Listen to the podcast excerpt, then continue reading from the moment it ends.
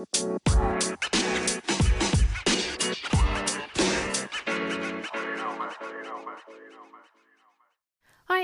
mijn naam is Janneke en welkom bij mijn Positief met Pubers podcast. De podcast waarin ik elke week vragen van ouders beantwoord over het opvoeden van pubers. Iets wat ik geweldig vind en waar ik gewoon heel blij van word. Ik denk graag met je mee, geef je concrete suggesties die je direct kan toepassen in jouw situatie. Mijn doel met deze podcast is jou te inspireren en te triggeren om anders te gaan kijken naar je puber, anders te gaan praten tegen je puber en anders om te gaan met puberproblemen. Heb je zelf een keer een vraag of een suggestie? Ze zijn altijd welkom. Je kan me vinden op Instagram op Janneke underscore, je pubercoach, of stuur mij een mailtje via info.conductien.nl.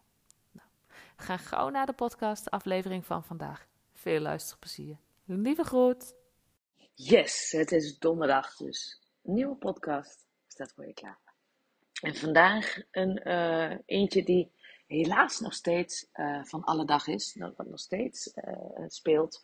Wat twintig jaar geleden speelde, wat nu speelt. En ik ben bang over twintig jaar ook nog steeds. Namelijk over het pesten.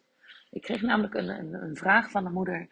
Uh, naar aanleiding van een podcast die ze had geluisterd over pesten. En ze vroeg om, om mijn advies. Om hoe zij haar puber nu verder kan helpen. Ik neem je even mee in het verhaal, in het vraag. En geef je daarna mijn visie. Ze schrijft: Ik heb net je podcast geluisterd over pesten. Mijn zoon is vorig jaar gepest in de klas. Zelfs zijn beste vriend stond erbij te lachen. Mijn zoon zit nu in een andere klas. Ik hoorde gisteren dat hij zich nu afzondert. Ik heb met hem, mijn zoon gepraat en ik denk dat hij dit nu uit zelfbescherming. Hoe kan ik hem nu helpen meer zelfvertrouwen te krijgen? Drie jongens uit zijn klas kwamen namelijk voor uh, de laatste weken bij ons deurtje bellen. Nu is dat opgelost en met de ouders gelukkig. Maar nu, hoe help ik mijn kind om weer sterker te worden, om weer te vertrouwen op zichzelf en op andere kinderen? Als het pesten gestopt is, heeft dat gepeste kind namelijk nog wel hulp nodig. Nou, daarbij schrijft ze ook, ik ben van plan de huisarts te bellen en te vragen of zij me verder kan helpen. Maar wie weet heb jij ook tips. je hebt het in die podcast over een coach. Bedoel je dan een, coach privé? Mijn zoon is net 15 en zit in de derde van de middelbare. Nou, wat ik gezegd heb tegen de moeder is dat ze ik het allereerst heel super tof vind dat zij uh, zo open is. Dat ze me zo'n duidelijk beeld heeft geschetst van de situatie. En ik denk, ik ben het met haar eens dat een goede stap zal zijn om uh, naar de huisarts of naar de gemeente te gaan voor ondersteuning. Maar voordat ik daar verder op ga, wil ik je heel even nog meenemen in waar dan die podcast ook alweer over ging. Het was, gaat om podcast aflevering 7, dus is helemaal in het begin. En daarin bespreek ik tips hoe je je puber het beste kan helpen als het gepest wordt. En uh, daar heb je eigenlijk twee kanten, beschrijf ik daar. Jouw eigen machteloosheid, van waarom mijn puber, en misschien ook wel dat als je zelf gepest bent, dat dat, dat stukje meespeelt van oh nee, en ik weet hoe het is, en dat stuk. en aan de andere kant geef ik een aantal tips om je puber daarin te begeleiden. En wat dan voor jou belangrijk is als je ouder, dus dat je zelf rustig en kalm blijft, dat het vertrouwen super belangrijk is, dus dus dat je ja, eigenlijk niks, geen acties onderneemt zonder daar, dat met je puber te bespreken. En vraag ook dan wat, wat zij hebben gedaan. En, maken van screenshots als het online gebeurt. En blokkeren, contacten met, nou ja, dat soort dingen. De kern is eigenlijk dat het beste nooit aan het beste ligt. En die kern mag heel duidelijk worden, ook voor jouw puber. Dus even een korte resume waar die podcast over ging. Nou goed. Ik heb dus deze moeder gezegd van, ja, weet je, een goede stap zou inderdaad zijn om contact op te nemen met, met de gemeente of met de huisarts. Ik weet, de andere kant is, er staan momenteel in de jeugdzorg heel veel wachtlijsten. En ja, dus hoe, hoe snel dan uh, die hulp op gang kan komen, dat is lastig. Nou. Ook ben ik het met moeder eens dat het, uh, als het beste gestopt is, het probleem nog niet weg is. Weet je, dat, dit, iemand die gepest wordt, maar ook de pesten zelf. Hè? Ja, dat, dat maakt indruk. Ze doen dat niet, de pester doet dat niet voor niks. En de gepeste die kan gewoon niks aan doen. Dat, dat laat deuken achter in je zelfvertrouwen. En daar mag ook zeker aandacht voor zijn. Dus via de huisarts of de gemeente zou je prima hiervoor een verwijzing kunnen krijgen naar een passende ondersteuning om meer zelfvertrouwen te ontwikkelen. En voor jongens kan ik me heel goed voorstellen dat dat iets is met bewegen. Dus een, een, psychomotorische therapie, PMT-therapie. Nou ja, ik, ik werk samen met Ecufit. Ik denk dat dat ook een hele goede organisatie is. En goede trainers zijn om, om je te helpen bij, bij dit soort problematiek. Voor meiden, meiden praten eens meer, maar ook die vinden het fijn om met het lijf te gaan werken en, en niet per se te hoeven praten. Dus wanneer je ervoor kiest om dus via de huisarts te gaan kijken, is dat, is natuurlijk prima. Of via de gemeente. En uh, dat wordt vaak vergoed. En wanneer je zelf, dus particulier gaat zoeken, zijn de kosten voor jullie zelf, maar is het zeker in de huidige omstandigheden zo dat je sneller kan beginnen met het traject. En dat is dus net, net wat je wil, zelf wil als ouder. Nou, ik heb dus moeder ook gevraagd van waar ze wonen. Want, uh, nou ja, zoals ik al vaak heb gezegd, ik werk heel veel samen met Ecufit. Ik ben zelf Ecufit trainer in opleiding de opleiding nog steeds afkomen. Maar ik kan mag proefsessies geven. En, en doordat ik dat zelf ondervonden heb, doordat ik zelf die training geef, weet ik gewoon en heb ik zelf ervaren wat voor impact die training maakt. Want echt, echt oh, neem dat gewoon van mij aan. En anders niet geloof, kijk even op de site van Ecufit zelf. De methodiek die ze gebruiken, die we gebruiken, is gewoon, ja, die is gewoon super. En, en nou, deze podcast is absoluut niet bedoeld om reclame te maken, maar ja, het is niet alleen voor pesten, maar het is voor alle gebieden, alle problemen waar je tegenaan loopt. Weet je, dat gaat in je lijf zitten. Stress, wat met pesten ook is, gaat in je lijf zitten. Wanneer je dat met praten oplost, los je het op, nou ja, behandel je het tot op zekere hoogte. Kun je het een plek geven tot op zekere hoogte. Wanneer je er fysiek mee aan de gang gaat, gaat het, kan het ook uit het lijf en dan kun je het echt, echt een plek geven. En als je het dan hebt over EQFIT, maar ook over PMC, ook over allerlei therapieën. Er zitten verspreid door heel Nederland. En ja, dat, is gewoon super waardevol. Dus dat stukje heb ik met moeder gedeeld. Nou, moeder gaf aan dat, dat ze heel fijn is, dat ze uh, blij is met de uitgebreide reactie. En, en ik zou dan voor haar rond gaan vragen hoe en wat.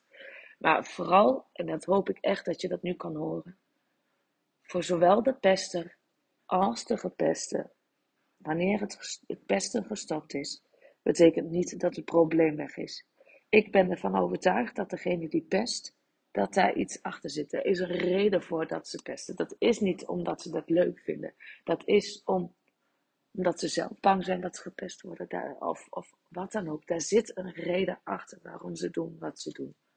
Want ik, ik kan me niet voorstellen. En, en en ik heb ook wel eens met pesters gekletst en gepraat. Ze hebben altijd een reden, een eigen onzekerheid, een eigen angst, spanning, iets wat daarachter zit waarom ze doen wat ze doen. Voor dat gepeste geldt, het is gewoon super belangrijk dat je weet dat het niet jouw schuld is. Dat voelt vaak zo, want je hebt dan het gevoel dat je anders bent, dat je anders doet. Dat mag. Jij mag jezelf zijn. Of dat anders is dan de kliek, dan maakt me niet uit. Jij mag jezelf zijn. Dat is geen reden om gepest te worden. En ik denk dat dat super belangrijk is. En dat dat voor jou als ouder ook belangrijk is. Want de kern is, is dat je jezelf mag zijn.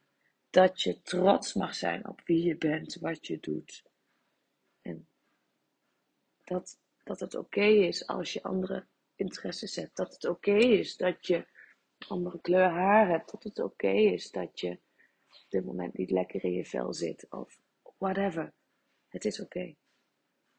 En, en voor jou als ouder is het dan gewoon super belangrijk dat je, ondanks alles, ondanks dat, dat, dat dit gebeurt, of dat, dat, dat je puber er zo last van heeft, dat jij die rust en die kalmte bewaart. Echt, echt. Dat is zo belangrijk. Die relatie met je puber en het vertrouwen in je puber houden is super belangrijk. Wees trots op je puber dat hij naar je toe is gekomen. Wees trots op hem dat hij, jouw verhaal, dat hij het verhaal aan jou verteld heeft.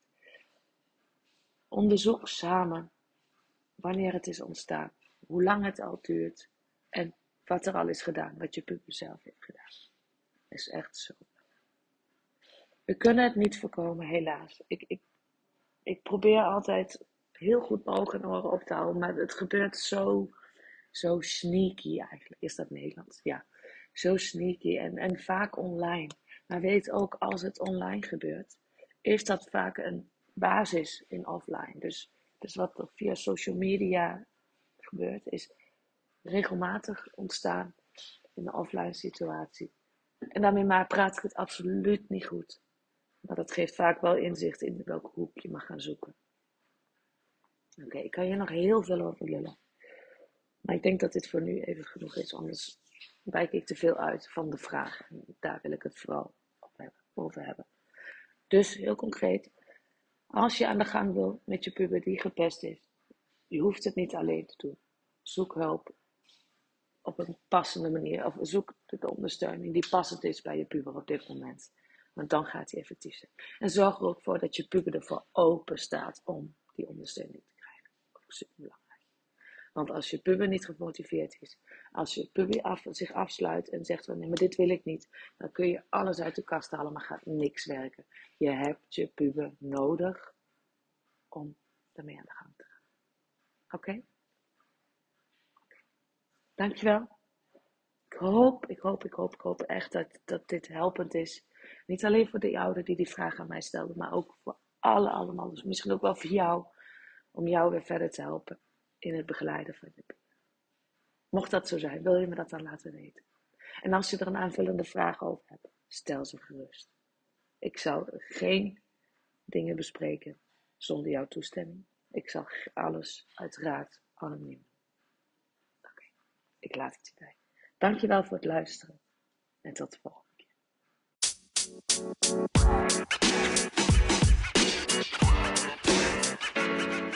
man. You know, man.